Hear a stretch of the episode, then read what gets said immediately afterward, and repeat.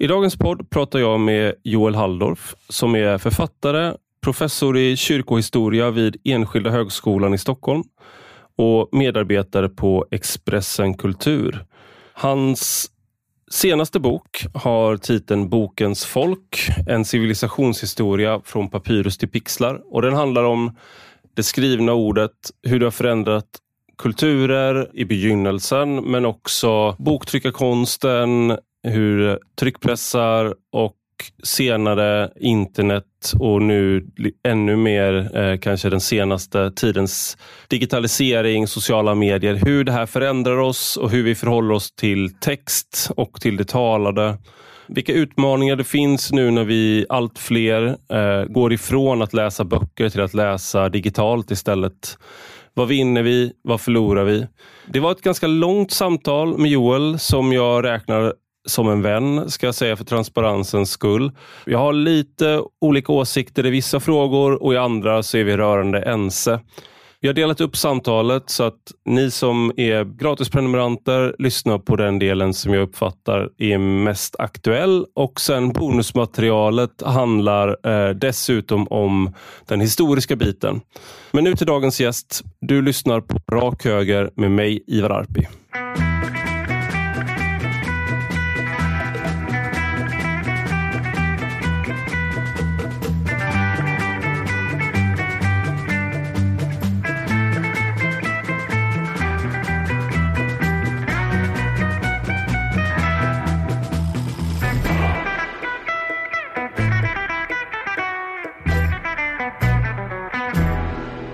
Varmt välkommen Joel Halldorf till Rak Höger.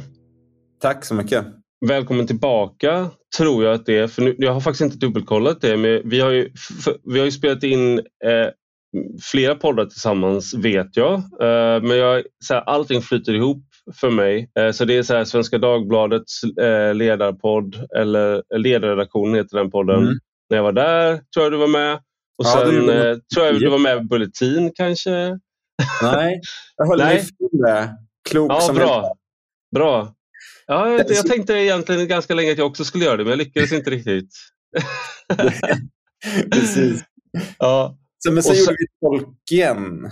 Ja, just det. Och då var det ju inte att du var med i min podd egentligen, utan eller det var ju med, det var lite så flytande för vi var tre olika poddar. Apans anatomi Mattias Våg, Läsarpodden med dig och Patrik Hagman och, och så Rak Höger med ja med mig. Men vi hade du och jag och Hannes gjorde ju också en Tolkien-podd. Det var rak höger. Så var det ja, precis. Skuggan av det förflutna tror jag den hette. Men ja. jag har fått då lite respons ibland från äh, läsare och lyssnare att de tycker det är bra det de lyssnar på men behöver inte för deras skull ha med mer Tolkien. Sådär. Så jag har redan brutit mot det äh, nu direkt. Fina lyssnare med konstruktivt, fint, fint sätt att säga det. Ja, alltså, för min skull så behöver du inte ta upp det varje gång. Eh, men nu har jag redan misslyckats med det. Då. Men nu är du här för att du eh, har skrivit ännu en bok. Mm. Eh, men den här gången så har du haft extremt dålig fantasi.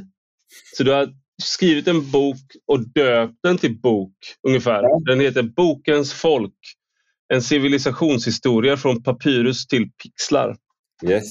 Och eh, bokens folk är ju en eh, referens till eh, det mm, som muslimerna kallade de andra som också hade böck, heliga böcker som, och man delade en del av den gamla, gamla testamentets eh, profeter och förhistoria som hade gemensamma referenser och sådär. Det är lite så här, Bokens folk, det är lite den här sketchen om du kommer ihåg med Eddie Izzard när europeer, standup-komikern Eddie Izzard, han berättar om hur européerna tog över hela världen och då åkte de runt mm. i hela världen och så sa, sa, frågade de folk så här, bor ni här? Eh, ja, det här är vårt land, här, bo, här bor vi. But do you have a flag? och hade de inte det så tog de över. Liksom, så räckte det med att de satte sin flagga för då var det deras land. Liksom. Det uh, formellt. Lite så är det med religionen. Uh. Har ni en bok? Uh. Nej, nej. Ah, Okej, okay. ah, men då... Men då, vi har en åt er. Vi har en åt er, ja.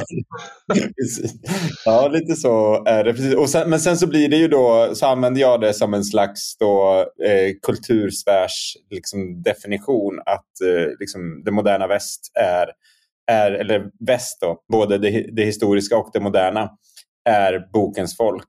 Med mm. rötterna i Babylon och när judarna får sin heliga skrift och de kristna får sin bibel och så. Men sen vidare som ett allmänt eh, fenomen. Då. Eh, att det, det, har varit liksom, eh, det har varit hörnstenen för vår, vår kultur och civilisation. Alltså det låter så, när man är van vid text mm. så är det uh, ingenting särskilt överhuvudtaget. Mm. Kanske till och med tvärtom. Det är som besvär många gånger att man måste läsa en instruktionsmanual eller något sånt där. Mm. Men när det här skiftet sker då från muntliga traditioner till att vi blir bokens folk. När, när sker det och vad innebär det? Ja, det, det, är ju alltid det här att det är glidande, säger då historiker. Att du, att du liksom, för, först är det bara en liten elit som kan läsa och skriva. Och skrivmaterialet är så dåligt så du kan liksom tanka ner ganska lite material på de här liksom lertavlorna eh, som det är fråga om först. Och så. Men sen får du mer och mer att fler och fler kan läsa, materialet blir bättre och bättre. Eh, och, och, mer av kulturen kommer att kretsa kring det som är skriftligt. Då. Eh, och det, det, är svårt att, men det är svårt att sätta ett årtal på det sättet. Så. Men man mm. kan väl säga att eh, en, en viktig grej är ju när man går ifrån bokrullar till kodexar. Då. Så gamla antiken då hade man de här, de här rullarna som man rullade ut. Då. Mm. Och sen så, kommer, sen så har man det här kodexformatet som är, är lite så ett slarvformat som, som inte är så respekterat. Men kyrkan gillar det väldigt mycket av lite mm. olika skäl som, som man får läsa om i boken. Eh, och där, då tar de över det. Och sen när kyrkan då tar över, eh, då så börjar alla läsa kodexar. Så den, den förändringen är ju också ganska viktig. Då, då har man liksom eh, mer lätthanterliga böcker som är lite mer tillgängliga för flera och sådana saker. Och hur, och hur förändrar det oss som, som eh, jag tror jag nämnde i den, i den andra podden jag gör under all kritik att eh, jag läser en bok om Comanche-indianerna. Och det är mycket mer spännande eh, om man inte känner till deras historia, vilket jag eh, bara gjorde ytligt, så är det otroligt spännande men hemskt. Eh, en sak som de tar upp där är ju som man kanske vet att prärieindianer hade inget skriftspråk och man var också eh, först jägare och samlare och sen i princip bara jägare eh, hästburna de sista, hundra, de sista hundratals åren då när man eh, levde på det sättet. Och att det var en otroligt ordfattig kultur. Man saknade ord för väldigt många saker. Däremot hade man väldigt många ord för till exempel färgen brun eftersom man skulle kunna skilja på olika hästar. Så man hade ordrikedom på väldigt specifika områden. Man hade heller egentligen ingen organiserad religion överhuvudtaget. Det fanns ingen så här himmelsk fader, ingen, sån här, ingen av de här eh, liksom, som vi förknippar med indianer, att de har liksom, olika eh, gudar och andar och sånt där. De hade egentligen ingenting sånt. Eh, mm. och de hade heller ingen särskilt bra musik, de sjöng eller liksom höll inte på. Mm. Det enda de gjorde var att jaga och kriga så gott mm. som. Och de hade inget skriftspråk. Sådär. Och ibland, när man läser det så tänker man på Tacitus beskrivning av germaner och äldre beskri eh, ännu äldre beskrivningar av kelter innan eh, Julius Caesar besegrade dem. Men så, så vad, vad gör bokskrivandet och skriften med människan och kulturen? Mm. Ja, men det är det här att man, det finns ju den här berömda berättelsen hos Platon om att eh, minnet kommer gå förlorat. Man kommer inte behöva minnas lika bra. För det är alltid det där att när du när du överlåter en förmåga hos dig till teknologin, då så försvagas den hos dig själv. Eh, men den blir kulturellt starkare. Så som kultur minns vi ju mer. Men som individer håller vi mindre i huvudet. Och det kan man ju tänka på idag, då vi ska inte föregå. Men när vi, tankar ner, när vi liksom nästan inte kan komma på vad våra föräldrar heter om vi inte får googla. Liksom. Mm. Eh, och, och, hela tiden så finns saker tillgängligt så. Men det är också någonting man kan gå in på olika eh, platser. En, en intressant aspekt tycker jag är argumentation, hur vi argumenterar. Skriftargumentation eh, är ju ofta så ganska logisk och, och, lite lång och man ska liksom köra fram ett resonemang och till slut så har man sin punchline och då så ska läsaren vara övertygad och läsaren kan vandra fram och tillbaka i argumentet och se om man håller med eller inte. En muntlig argumentation, då är det ju liksom här och nu. Det är mycket mer liksom drastiskt. Nu gör Joel äh, jätteimponerande slag i luften här. som, jag, som, jag, som jag ofta gör när jag twittrar också. När jag Just det. Ja. Det, det, Twitter är ju ett format som är lite mer som en muntlig liksom, battle. Liksom. Eh, och ehm, och eh, även eh, liksom, rap, hiphop har ju det. och så. Eh, I i sådana muntliga kulturer. Du får inte, jag bara säger det, att uh, här är ett safe space för krist, kristlig rap. Så du får inte framföra någon här. Nej, jag ska inte, jag ska, jag ska inte göra det. Men ni kan, ni kan googla kristen rap på, på mm. Youtube mm. så får ni bra exempel. Nej, Joel, vi kan lägga upp en länk till Joels bästa eh, kristna gangsterrap-låtar. Precis.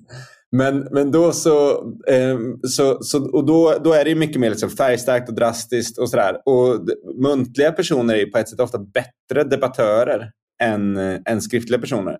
För att de är, de är mycket mer to the point eh, och mycket mer rakt på. Och muntliga kulturer är också mer eh, liksom agonistiska, säger Walter Ong, en sån här fantastisk forskare. Där. De är mer kampinriktade eh, än skriftliga, för det gäller att eh, liksom vinna i stunden, besegra motståndaren. Agonist, är, menar du antagonistiskt? Nej, han skriver faktiskt agonist. Min, min redaktör var också på det här, du menar ant antagonister? Nej, han skriver agonistiska.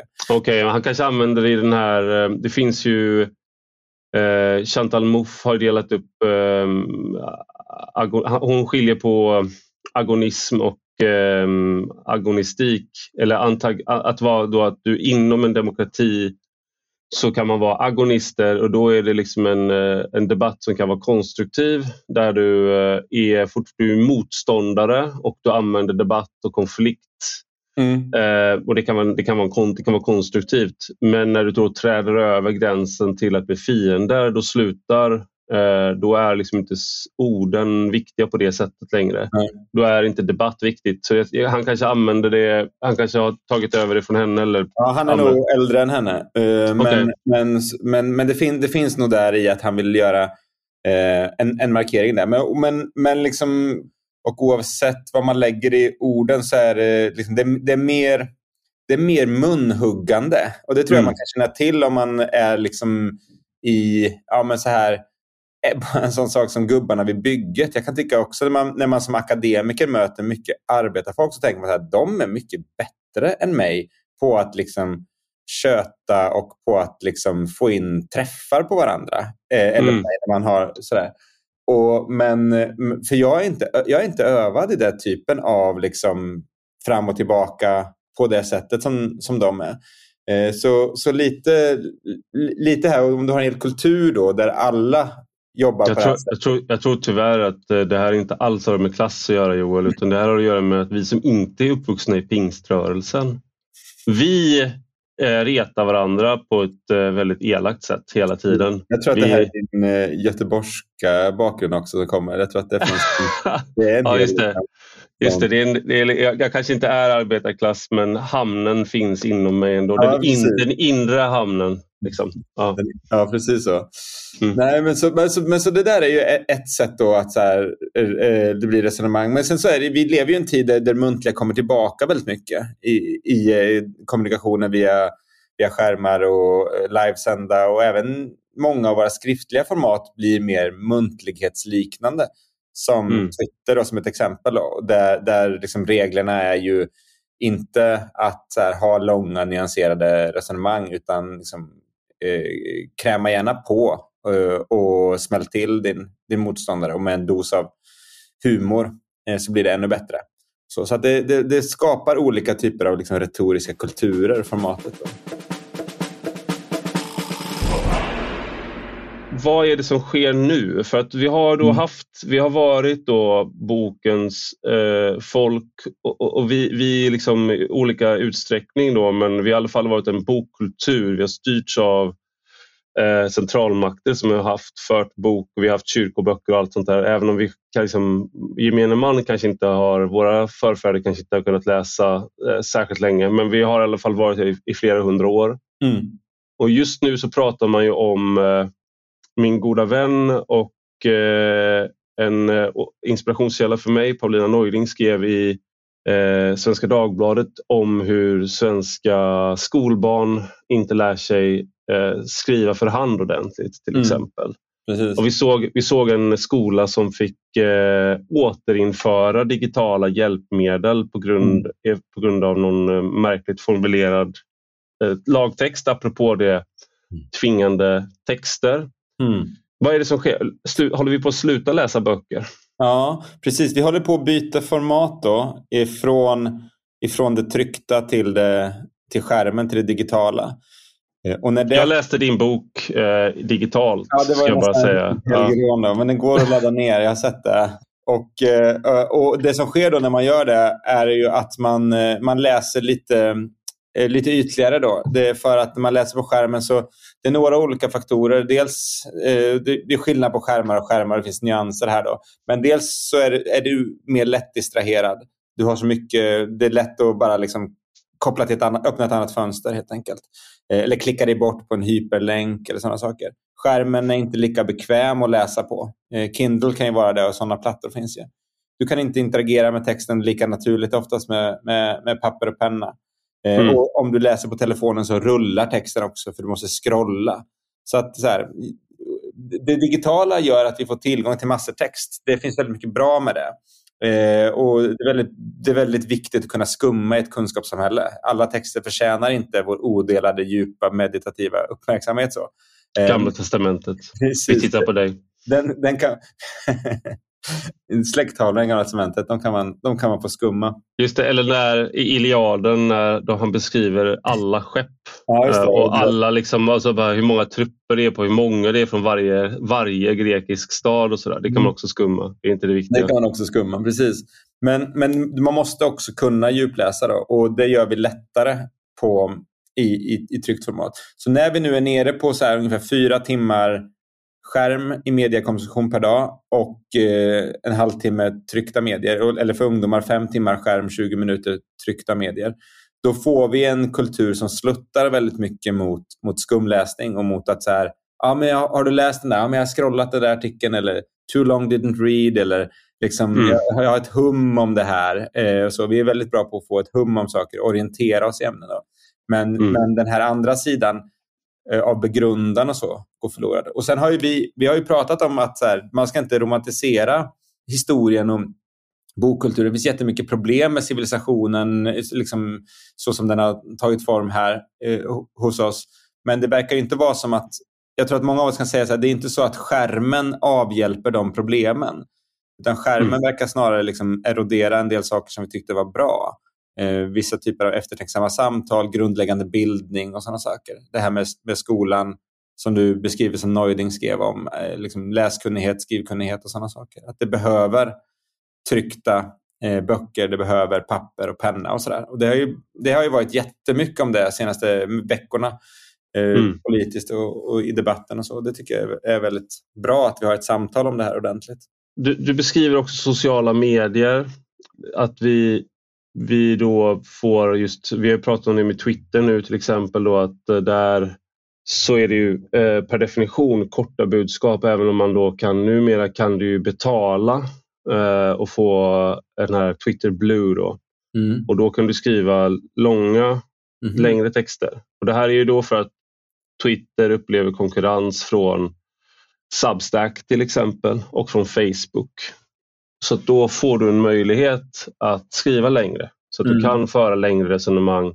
Och med längre menar jag alltså inte 300 sidor utan liksom fler, kanske 1000 tecken, 2000 tecken och sånt där. Ja, ja.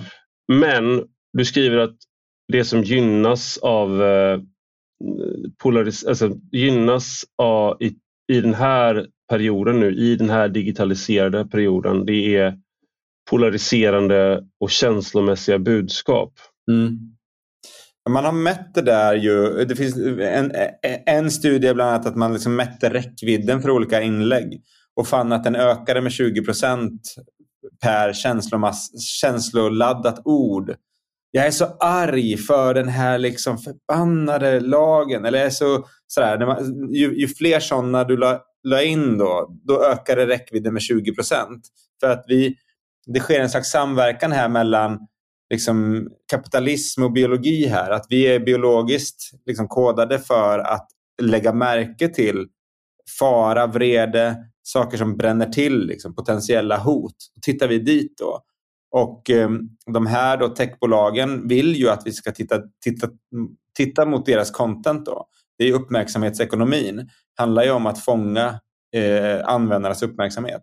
Och då så blir de här två sakerna förstärka varandra.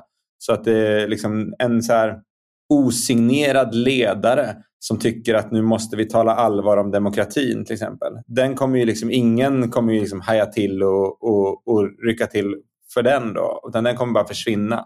Men, där... Men varför, varför var det? För jag, jag ville bara, här, här, så skulle jag då vilja, inte det nödvändigtvis att jag inte håller med eh, om din beskrivning. Jag tycker jag är, eh, har, eh, som lyssnarna inte vet, men du och jag har utbytt liksom eh, en, samma trötthet på eh, teknologi, sådär, ludit-tendenser eh, då, sådär då och då. Mm. Men en sak som jag tänker här är ju att det är ingen författare genom historien som har, vissa har skrivit under pseudonym, men i regel så skriver du inte osignerade böcker. Din bok är inte osignerad. Nej. Den har en titel. Mm. Kapitlen har olika titlar. Mm. Eh, och inget, evangel om jag är kvar Bibeln, inget evangelium är oskrivet osignerat. Även om det finns en diskussion om det såklart. Om, om det är rätt person som är avsändare till evangeliet och sådär. Mm. Jag skulle också säga att det, om man kollar bakåt i historien så tror jag att man skulle hitta att de mest drabbande texterna, de texterna som har eh, spridits mest, de pamfletterna som har spridits mest, är de som är på något sätt eh, liksom, talar till människans eh, känslor. Eh, men en, och att man då eh, liksom, att det är känslomässigt. Det står här, som jag uppfattar ditt resonemang här, i motsättning till rationellt. Nej, jag menar inte så. Det är jättebra, men det är jättebra att vi tar det här. För det finns en så här Eh, det finns en så gnäll, akademisk gnällighet inför offentligheten som är så här att folk borde börja orka läsa våra torra, tråkiga eh, texter som inte har någon tydlig poäng. Eh, för mm. att det, det är det som är inte... Framförallt det, de borde orka läsa mina tråkiga, ja. Typ, för själva orkar man inte heller läsa andra ja. tråkiga akademikers texter. Nej. Jag tycker att, för mig är idealet liksom den klassiska retoriken. Där du säger så här, okej okay, vad är en bra text? Den har logos och den har patos. Eh, och mm. eh, du kanske har ett etosförtroende för läsarna. Alltså, det, det, det, det, emotionella har en plats, absolut. Eh, och att du liksom tankar in någonting av dig själv i texten och talar till läsaren så att läsaren känner att den här texten är inte bara är ett intressant resonemang utan det finns någonting i den här som berör mig. Eh, det, det tycker jag är det är jag helt för. Eh, men, men det är lite som så här bilden av en trädgård så att säga. Att, att eh, det måste finnas ett balans i ekosystemet mellan liksom, polemik som också har en plats. Jag skriver ju liksom på Expressen och, och jag vet liksom också värdet både kommunikativt men också tycker jag alltså renhårigt att, att, att polemisera kan vara jättebra och viktigt ibland. Eh, och så. Eh, så polemiken har en plats och det känslomässiga har en plats. Vreden kan ha en plats och så. Men det måste också finnas plats för blommorna, liksom resonemang och komplexitet och nyanser. Liksom, du måste ha en, och det som jag oroas för är då att i ett digitalt ekosystem så blir det väldigt stark liksom, gödning hamnar på polemik och affektion och sådana saker. Och det andra får träda tillbaka. Nu finns det liksom motkrafter. Jag tycker faktiskt att poddar är en jätteviktig motkraft. för att Ta bara ett sånt faktum att väldigt få poddar råkar i stora liksom, cancelblåsväder. Det tror jag har att göra med att man att de är resonerande till sin natur och folk accepterar liksom, och hör nyanserna, hör tonfall och sådana saker. Och att man, det finns liksom det, det accepteras att det här är rum där man får tänka lite högt och sådär. Man sitter inte med och liksom rycker ut citat och sådär. Det, det sker. Ja, det mm. kanske sker. Eh, vi kan prata men om... nej, jag håller med. Jag håller med. Det, men det, och det här är intressant då för att det här går egentligen... Eh, det är ju en... Eh, dialoger funkar inte i text. Nej. Så att du, när du skriver någonting så uh, gör du ett påstående om att det mm. här är det ordet som gäller. Ja. Uh, och det är också ett annat, det blir, hur du än gör så blir det ett annat tilltal. Mm. Medan när du är i samtal med en annan människa så är tonen en annan för att du måste svara på vad den andra säger. Och den som lyssnar då, uh, nu blir det som att jag beskriver för någon hur man går så mm. med vänster fot framför, men då måste du balansera överkroppen. Nej, men, men, äh, jag vill höra. Ja, nej, men just det här att du när, i ett samtal så eh, kan du inte prata på det sättet som du skriver. Det finns några få människor som pratar precis så. Mm. Tino Sanandaji är en, eh, ett lysande exempel på det. Han, han skriver och pratar precis, liksom, det finns ingen eh, mm. distans däremellan. Så det blir väldigt auktoritärt. Liksom. Det här är, det här, men de flesta människor låter annorlunda än de skriver och jag skulle säga att det går in i det du skriver i boken också. Som du citerar, nu har jag ett citat där, Neil Postman, det här med att uh, the, the medium is the message. Uh, ja. Postman har det. McLuhan. Han säger, vad är det han säger? Han säger att um, när du introducerar ett nytt, är det den du menar? När du introducerar en ny teknik? Nej. Ja, nej, jag tänkte egentligen att du formas av den, den teknik du använder. Eh, och och eh, eh, om, om texten är ditt huvudsakliga, mm.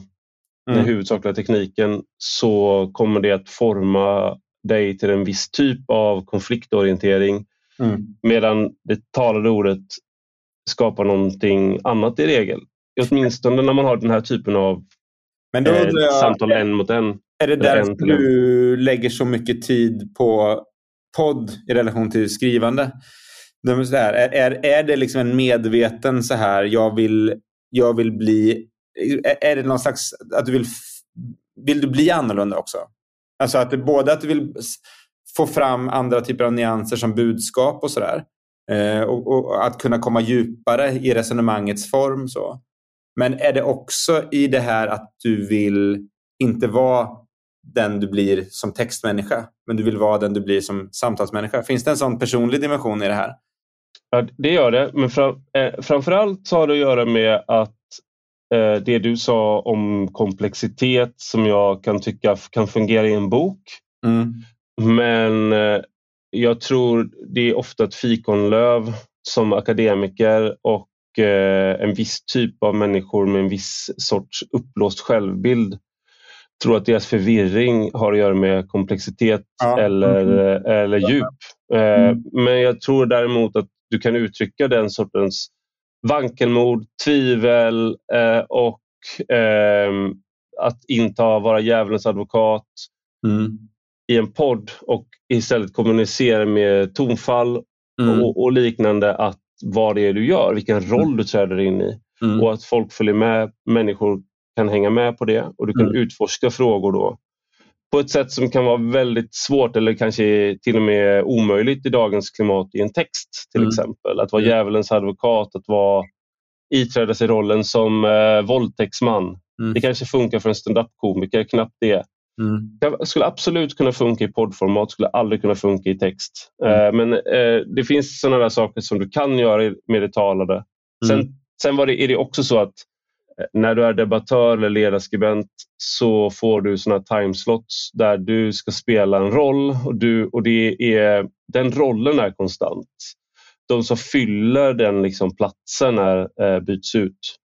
Eh, och då har du sju minuter i morgonsoffan eller du har tio minuter i P1 Morgon mm. eh, eller några minuter i Studio 1 och så ska du lösa jämställdhet mellan män och kvinnor eller, eh, eller något liknande. Eh, Israel-Palestina sådär. Och eh, när du har gjort det tillräckligt många gånger så inser man att man bara är liksom, att det är ett jagande efter vind eller liksom att det är bara mm. det, det, det, här, det här, jag, jag kommer kunna sluta vara med i det här. Debatterna kommer fortsätta. Mm. Men om du vill eh, skapa någonting som är eh, kanske där det finns en större större djup eller resonans eller, eller, eh, och komplexitet på riktigt, då behöver du antingen skriva eller och skriva en viss typ av texter. Mm. Eller så behöver du eh, prata i, i lite längre format Mm. som du Ja, själv men- styr över. Nej, men jag håller med. Och jag tycker det här, det finns liksom...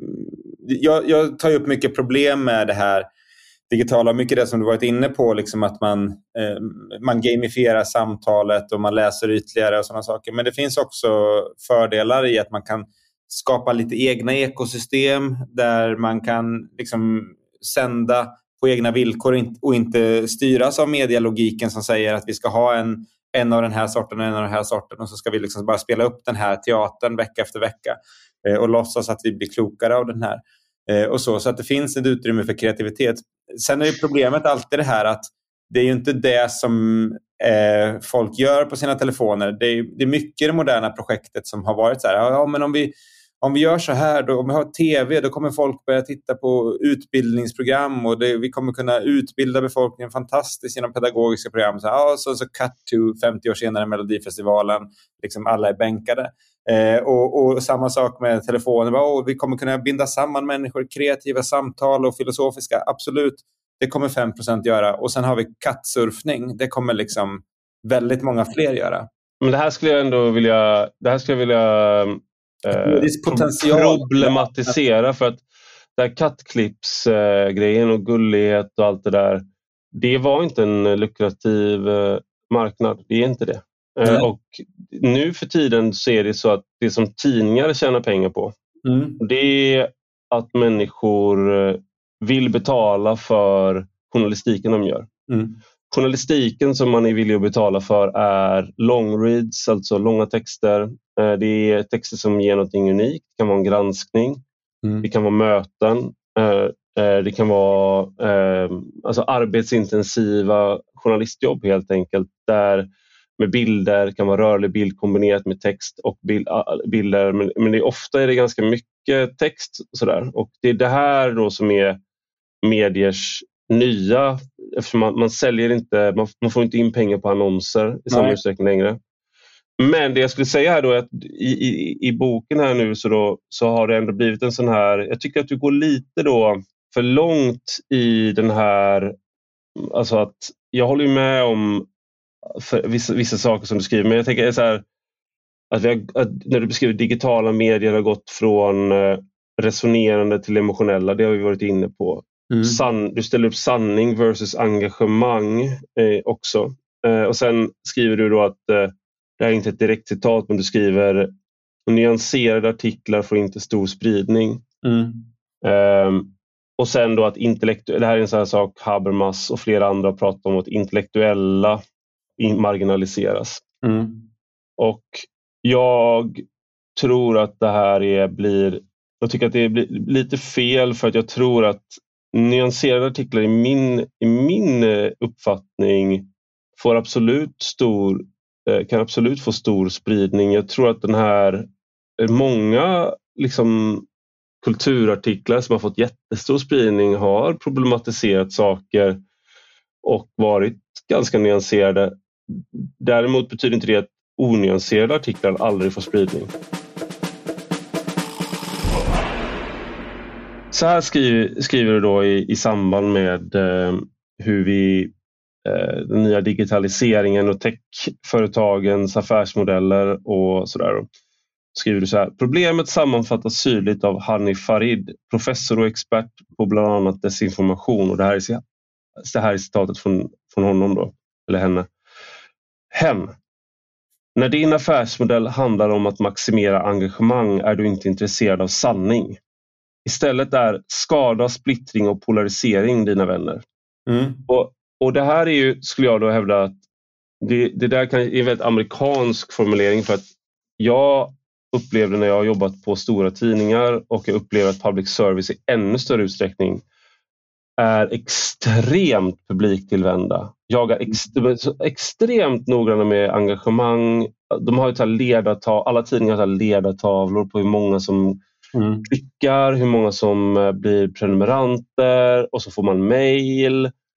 Alltså de, de här institutionerna då, Mm. som är då de gamla institutionerna, som ska stå för eh, sans och balans och sanning. Mm. Jag har aldrig, liksom, jag har aldrig hört eh, någon av de här då som alltid anklagas för att vara söka just där prata på det sättet. Nej. Pratar du med sådana här människor då som Aron Flam, Henrik Jönsson, Hanif Bali, eh, Navid Modiri, liksom, den, den typen av, av människor som jag räknas till också. Mm. Jag hör aldrig dem prata om engagemang. Alltså så här, jag hör aldrig dem prata om de saker. Kan man arbeta med det men väldigt ofta handlar det just om vad som stämmer, vad man tycker stämmer, vad är sant, vad, hur ser statistiken ut? Det är så samtalen ser ut. Mm. Men jag, jag har väl inte riktigt den, alltså det, det citatet där, det diskuterar ju Facebook. Eh, och det finns ju, Facebook har gjort en egen liksom, analys av sitt eget engagemang där de konstaterar att inlägg som ligger på gränsen mot vad de tillåter eh, skapar jättemycket engagemang. Så om de, Mm. Eh, om de ökar liksom, toleransen för, för inlägg så kommer de öka engagemanget på sajten. Eh, och de minskar det, kommer, det, kommer de minska eh, engagemanget.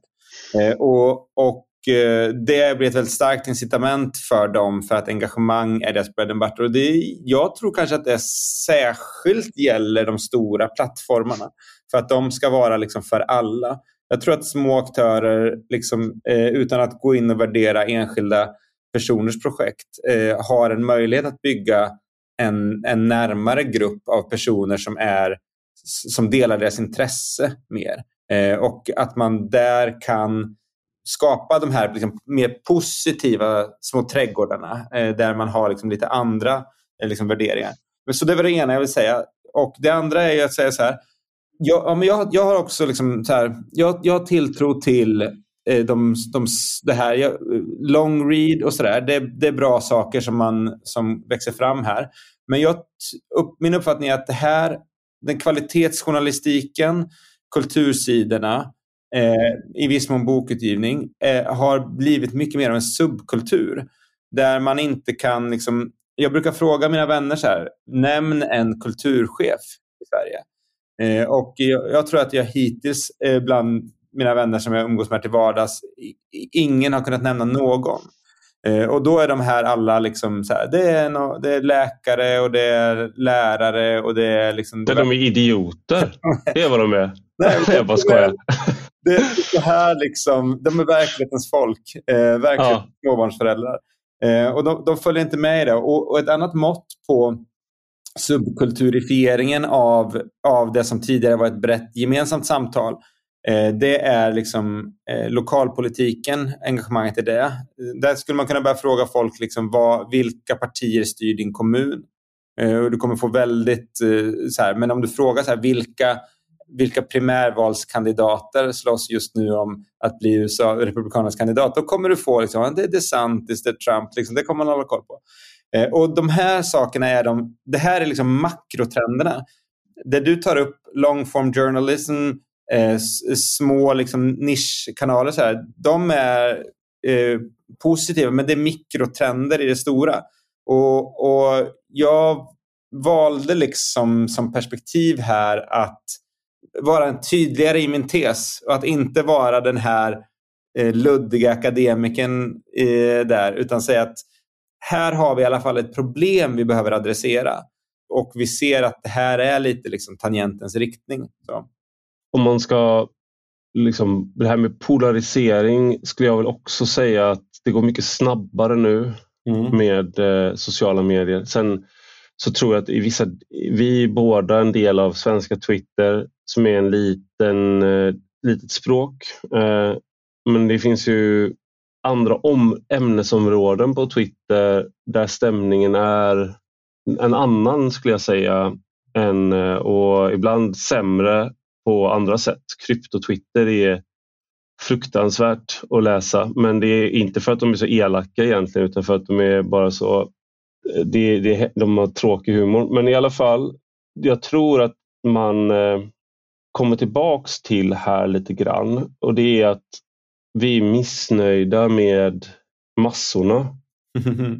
Eh, och det är att först läste de för lite eh, och då började vi ha husförhör med dem för att de skulle läsa. De skulle inte bara läsa vad som helst, de skulle läsa rätt saker och förstå det på rätt sätt. Mm. Och nu så har vi då internet och ska människor kopplas ihop och det ska bli så bra. Och då sitter de jävlarna och kollar på gulliga katter istället för att eh, läsa. De har tillgång till all information i hela världen. Mm. Liksom, behöver du kolla på liksom ett klipp med fails till? Mm. Ja, eh, och att vi, liksom, vi, vill, vi vill ha då det här och det, det här tycker jag går igen i Habermas särskilt då som jag tycker är en eh, han är liksom en, en ihållande fis i det intellektuella samtalet. Han dyker alltid upp och han bidrar aldrig med någonting positivt skulle jag säga. Alla hans begrepp leder alltid fe åt fel håll. Mm. Eh, och jag, du, du citerar honom och jag förlåter dig. eh, eh, du tar upp honom. Men han är, han är just en sån person som eh, och, och, och, också ska man också lägga till då att eh, han använder det skrivna ordet för att vara så tråkig. Så mm. att, eh, det är liksom ett, ett, problem här är att jag har inte läst så mycket Habermas. Men det är inte mitt fel, det är hans fel. Det, det men just, just det här liksom att det deliberativa samtalet som är hans, det här som han, då, han har som ideal kafékulturen på 1700-talet när man satt och mm. diskuterade och hade intellektuella samtal. Det finns ingenting som hindrar oss från att göra det och de som gjorde det då var inte gemene man då heller. Nej. Samma grupp människor, samma utsnitt av samhället kan göra de här sakerna idag och gör det till, till viss del också. Mm. Men problemet för Habermas är att de andra de har fel. De läser katekesen fel eller så läser de inte katekesen alls. Ja, men det finns två saker här tycker jag. Det ena är, mm. ska jag säga så här, demokrati är ett så ambitiöst projekt så att vi måste på något sätt se till att vi har en, en pågående samtal om det som vi faktiskt röstar om då, och inklusive lokalpolitiken. Att vi, att vi, att vi för den, om, om, om, vi ska, om det här systemet ska funka så måste vi vi rycka upp oss på vissa områden. Då. Eh, det är mm. det ena.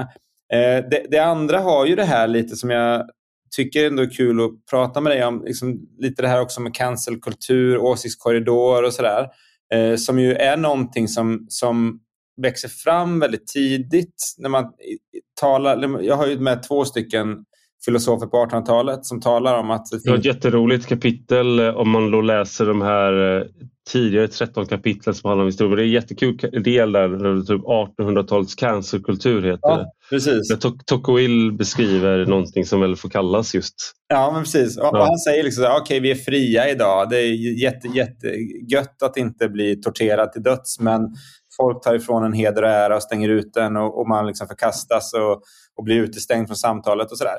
Och John Stuart Mill är också inne på det, att det finns någonting i det här liksom massans tyranni. Då. Och, och här pendlar liksom offentligheten med att så här, hitta en balans mellan att låta olika röster höras och komma till tals och att liksom på något sätt hålla några slags eh, anständighetsgränser eller någonting. Och ett, ett tillfälle när man misslyckas är i franska revolutionen där man har censuren då. Så man, stänger ut, man förbjuder massor av saker. Och, men det, gör, det, det förbuden leder till bara är ju att eliten inte läser de sakerna, pamfletterna. Men det sprids mm. jättemycket bland folket och så blir det en tryckkokare och så exploderar det och så kommer en revolution. Så du måste på något sätt, du kan inte stänga, liksom, om du stänger ute åsikter och röster för strängt, då riskerar du att skapa ett undertryck i samhället som kommer att explodera. Då kommer liksom så här, helt plötsligt Donald Trump president och folk bara, mm. vad händer nu? Eh, säger man på ledarsidorna. Vi var ju alla överens om att han var oväljbar. Ja, men ni hade inte koll på Reddit, ni hade inte koll på Flashback, ni hade inte koll på alla de samtal som pågår i liksom, lite utanför mainstream. Så. Eh, och, och den här liksom balansen och navigeringen verkar vi inte riktigt klara nu. Samtalen glider ifrån varandra och har gjort det. Kanske är de på väg i kapp på något sätt, men det har ändå gjort det under många år. Jag har även märkt i kulturvärlden att så här, det folk säger på festerna och det som de skriver i spalterna är, är, det finns en del skillnader mellan det. Eh, och det, eh, det, blir inte, det blir inte bra. Eh, då, då, där kan Vad är det för skillnad? Nej, men man är mer liksom, man är mer, det, det, är det här med text liksom. Man är mer nyanserad kring vissa så här. Jag kommer ihåg under metoo så var det liksom, då var det väldigt få som, som ville skriva för man sa, ja, ah, det här finns det ena sidan, det finns många dimensioner av detta och sådär. Och hur är det med anklagelser mot den här personen egentligen och sådär. Eh, men man ville inte sätta det i print. Liksom. Men man förde den typen av samtal. Då. Eh, jag var ju väldigt ny i offentligheten när, när det var, så jag hade liksom inte så mycket. Men jag, men jag noterade att det var en annan ton. Du hade inte hunnit begå några övergrepp då? Så. Det är en av fördelarna med att vara pingsten då, att man, vi gör inte sånt. Ja. jag har inte läst katekesen. Förlåt, nej, precis. Ja, jag, jag, tror dig. Ja, precis. Nej, men så, och, och här, nej, men här har vi liksom inte riktigt hittat, eh, tycker jag, en, en, en, en, en, en bra balans mellan, mellan de här sakerna. Och, och, och det var det jag säger, men det här, det här som du är lite inne på, att så här, om jag hör dig rätt så säger du så här, folk läser inte för att eh, de som menar sig har rätten att tala för och bli lyssnade till är antingen för, för tråkiga eller liksom adresserar inte människors eh, det de bekymrar sig för på ett liksom adekvat sätt. Och, och, och, så tror jag att liksom, eh, Eh, ja, men det, det, finns, det finns fog för en sån kritik. Det kan jag också tycka. Jag tror också, jag tror också att det är en eh, eh teknologisk fråga. Det här är, eh, jag ska ba, bara säga att jag tror att det här med, ehm, med Trump, där är problemet ett annat än eh, var, var man läser. De visste att de här uppfattningarna fanns och Barack Obama gick till val på att begränsa den illegala migrationen från Mexiko. Han, han sa inte att de skulle bygga en mur and make Mexico pay for it. Nej. Men eh, bara några, liksom, nästan tio år innan så Barack Obama var väldigt strikt mm. mot migration och det var en, det var en demokratposition. Den frå, alltså många av de här sakerna som, som Trump stod för hade tills inte jättelångt innan varit positioner som Demokraterna hade haft. Mm. En annan sån här sak var att Hillary Clinton och Bill Clinton båda två liksom från 90-talet och framåt eller 80-talet och framåt eh, har varit var väldigt tydliga i offentliga sammanhang och säga att du kan inte alienera den vita arbetarklassen om du vill vinna val i USA. Det fanns en sån medvetenhet. Så det, det, det, som skedde var, det var flera saker som skedde samtidigt i, där. Eh, det var inte bara det att de inte läste på 4chan eller Reddit eller sådär, för det är väldigt små forum utan de slutade lyssna på sina egna. De väljargrupper som gick från till exempel Barack Obama till Donald Trump. Alltså det var en ganska stor grupp av eh, vita arbetarklassväljare som eh, såg båda dem som outsiders till etablissemanget, vilket är svårt att komma ihåg nu. Mm. Men eh, Så det finns andra aspekter här också. Att eh, Det är inte massorna som har gjort revolt utan det är snarare så att det är en, eh, det här är min eh, tolkning av skenet, att vi har en elitgrupp i samhället på kanske runt 20 procent eh, av, samhället som utgör liksom akademiker, journalister, höga tjänstemän, eh, politiker. Alltså, som, som du sa, det, det finns inga folkrörelser i det avseendet längre utan det är snarare så här, politiska familjer och människor med utbildning vi har arbetarparti, de gamla arbetarpartierna runt om i Europa. Där är alla, de som är, står på listorna är till väldigt, väldigt stor del idag akademiker. Det var de inte för 30 år sedan bara. Så, så det du har är en elit som har andra uppfattningar än de människorna de ska representera många gånger. Och det, där utmaningen här är ju då att många uppfattar det som att det är en eh, de som skriver böckerna eller de som skriver i tidningarna, de som eh, står i tv och är politiker, att det är samma klägg för att använda Håkan Juholts ord. Mm, det är klägget. Men jag tror att det här är också en viktig fråga. Jag tror folkrörelsen är, spelar en nyckelroll här i också frågan var hämtar du som politiker eller expert din information ifrån? Hur får du in information ifrån från samhället? Mm.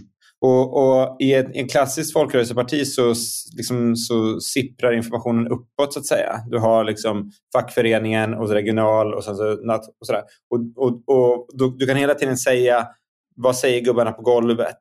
Eh, och du kan nå ner till den eller liksom i KD, liksom frikyrkorna och sen uppåt. Eller så du, har, du har de här konkreta sociala kropparna. Jag var bara igår eh, i en kyrka och pratade som jag ibland och i en, i en viss frikyrka. Eh, och för mig är det så här att jag bara kliver in i det rummet och så pratar jag med vaktmästaren lite, snackar lite. Då liksom, det är så mycket information. Det är så mycket information om vad som pågår i den här staden, i den här kyrkan. Så, bara genom att kliva in i byggnaden. Eh, mm. och, och, har du den formen av information, då, då, då är du liksom mer i synk med varandra. Men hämtar du informationen genom eh, de här eh, opinionsundersökningarna, genom att mäta, då får du en väldigt tunn och glatt eh, information till synes exakt. Men det är, liksom det, det är liksom den tryckta informationen jämfört med den, den levda och muntliga. Det är lite som skillnaden mellan liksom text och, och, och samtal och så. Det är en mycket tunnare form av information. Du kan inte liksom, det är mycket lättare att få ett alienerat eh, ledarskap i samhället eh, genom, att du, genom att du inte liksom helt enkelt äter tillsammans. Eh, det här kaffet liksom, som, som är i samband med de här samlingarna. Och, så här, och att man tar, och det, det var det folkrörelsen gjorde och på det sättet så band folkrörelserna samman samhället liksom uppifrån och ner men även på bredden genom att man hade relationer ut genom hela samhället. Och på det sättet mm. så undvek vi saker som inbördeskrig och revolution och sådana saker som vi kan vara väldigt glada av att vi inte har så mycket i den svenska historien. Eh, men där, där kan vi också ana problemen av att det här, eh, att det här inte fungerar längre. Att vi inte har de här, att folkrörelserna har gått ner så mycket som de har gjort sedan 60 Nazismen var ju också en enorm folkrörelse. Det finns ju eh, jag ska bara problematisera all... lite folkrörelser. Allt, allting där människor samlas i grupp och pratar om eh, och kommer överens är inte nej, bra. Nej, och det är, och det är samma sak med allting, att böcker och... Alltså... Jag har pratat i en timme och vi har pratat ganska länge nu utan att... Uh, det var först nu som eh, Hitler kom. Ja, det var först det var bra, jag, bra jobbat. Jag har ändå ja. ett kapitel om, om Hitler som ju var en, en uh, att, att, att vara kille uh, och att, att skriva böcker och att aldrig ja. ha fått skriva om andra världskriget och att nu bara inse att jag måste ha ett, ett kapitel om andra världskriget bara för att också förklara, eller liksom gå in på det här som du säger. Att här, vetenskap mm. kan bli rasbiologi, byråkrati kan bli liksom den banala ondskan, eh, media kan bli propaganda och, och sådär. Det, det, är också viktigt. Folkrörelse kan vara nazism. Eh, mm. Så det, det, finns liksom den, den, den, det, är inte, det är inte bara så att ja, men vi har en form vi har boken som form och sådana saker, då löser vi allting. Eh, det behövs ju också så här dygd av viss sort. Liksom, eh, och att odla vissa karaktärsegenskaper. Och det är väl också en, på något sätt något av det viktigaste då. Att jag, som jag gillar mest med boken, att boken odlar vissa dygder av tålamod, eftertanke, reflektion och så. Och det Du pratar om boken som eh, teknologi, inte boken. din egen bok. Nej, precis. Särskilt min bok. Men... Särskilt din bok odlar. Om man läser den då förkroppsligar man sen de fyra kardinaldygderna ja, från Aristoteles. Särskilt mod. Nej, men, men, men att det finns någonting i att den, den, den, den, den, den, den den gynnar den här typen, boken som teknologi gynnar den här typen av, av dygder som är liksom, eh, potentiellt sett liksom, bra. Eh, mm. Och därför så vill de flesta av oss att ja, men det är bra om våra barn läser böcker och det är bra om våra politiker läser böcker. Och sådana saker. Men, men det är väl det jag tänkte också, för du, du skriver på uh, sidan 301 Bra där. Så skriver du Historiens första lag lyder Du kan inte återvända. Den tid som har passerat är svunnen och det går aldrig att vrida klockan tillbaka. Man kan sakna det som varit, men den enda vägen vidare är framåt. Och då tänker jag att du kan jag inte avstå ändå för att ta in tolken på filmen. att när de går från eh, Rivendell och de ska gå till Mordor och då frågar Frodo Gandalf så här, which way to Mordor? Och då får Gandalf liksom visa om det är left. Så där, och det är lite det jag tänker med det här också, eh, det, det är skämtsamt men för mig då personligen, ja, vi har så gott som skärmförbud hemma hos mig. Eh, mm. och jag och min fru sen ganska långt tillbaka, vi har, vi har aldrig haft tv, men vi kollar heller inte regelbundet på tv-serier eller filmer. Och jag själv har en digital skrivmaskin Så Har det du bara ändå kan jag, Vad- Digital skrivmaskin? Okej. ja, den synkar med molnet så att jag är inte helt fri. Men det man kan göra då är att du kan skriva texter utan störande moment och du kan eh, ingenting som pockar. Jag har också en dum telefon Mm. så att eh, det enda man kan göra är att ringa och, och man kan skicka jättejobbigt, då kan skicka sms. Mm. Men den är modern så du kan lyssna på lite poddar. Mm, mm, mm. Eh, men, så jag är, och jag köper böcker och jag vill att mina barn ska läsa. Jag har läst forskning som visar att det inte går att påverka. Att det är liksom, allt det där är ärftligt ändå. Jag tror inte på den forskningen. Men ja. Jag, jag, jag, jag, hopp, jag, jag tror på den men jag hoppas att den inte är sann. Mm. Eh, och jag själv anstränger mig för att alltid läsa. Jag har alltid en pågående så här, bokcirkel med några vänner. Alltså, jag, jag byter vänner. Alltså, jag har olika böcker jag läser med olika vänner och så, och så Mm. diskuterar vi dem. Mm. Men jag tycker det är jättesvårt. Mm. Och jag känner hela tiden algorit, alltså den här algoritmen, algoritmerna som du skriver om. Mm.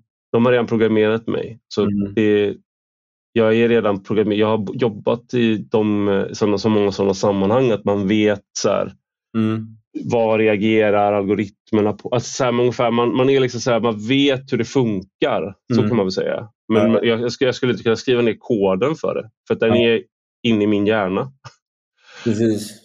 Är liksom så här, vänster Mordor, vi ska framåt, men vänster Mordor, höger något annat. Och vi, vi, det finns ingen som kan, det fin, I det här fallet så finns det ingen Gandalf som kan säga vilken väg vi ska ta. Nej. Så är det ju.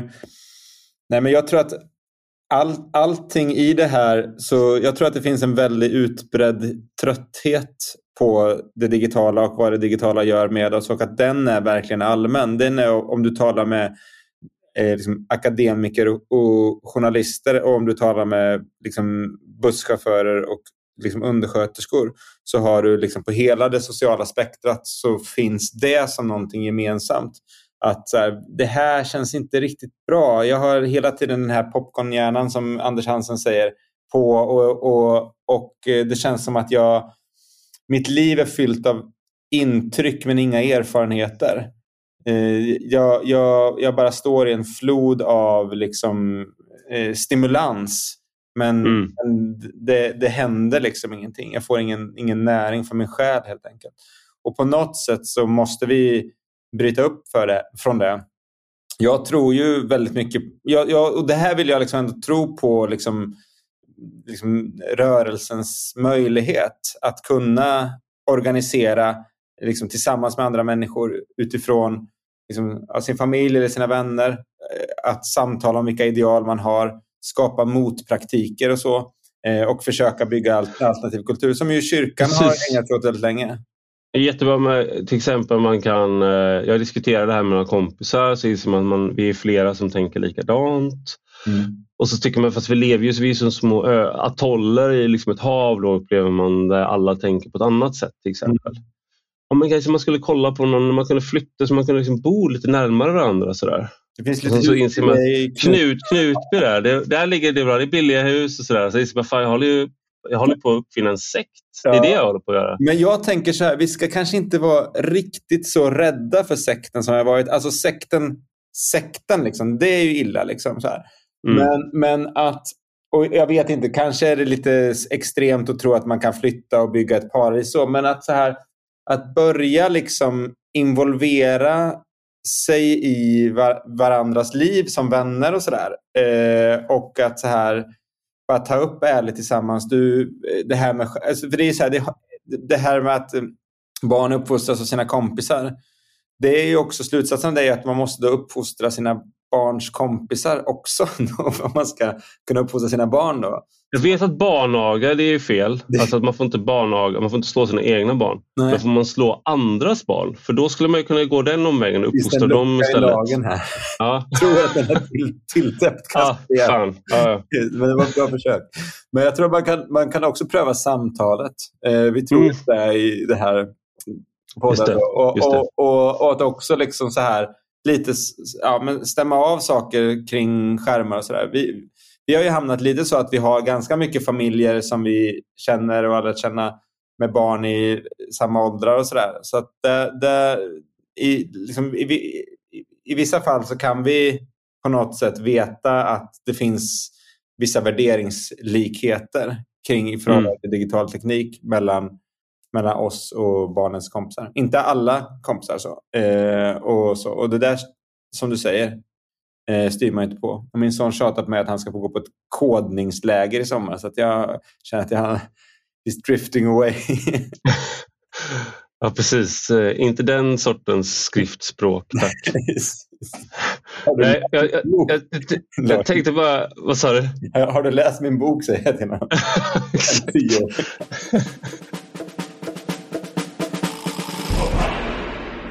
För att lyssna på hela avsnittet kan du bli betalande prenumerant, vilket du kan bli på ivararpi.substack.com eller ivararpi.com. Båda adresserna fungerar. Och för 5 euro i månaden eller 50 euro om året så får du både allt gratis material men du får också ta del av diskussionstrådar som bara är för betalande prenumeranter.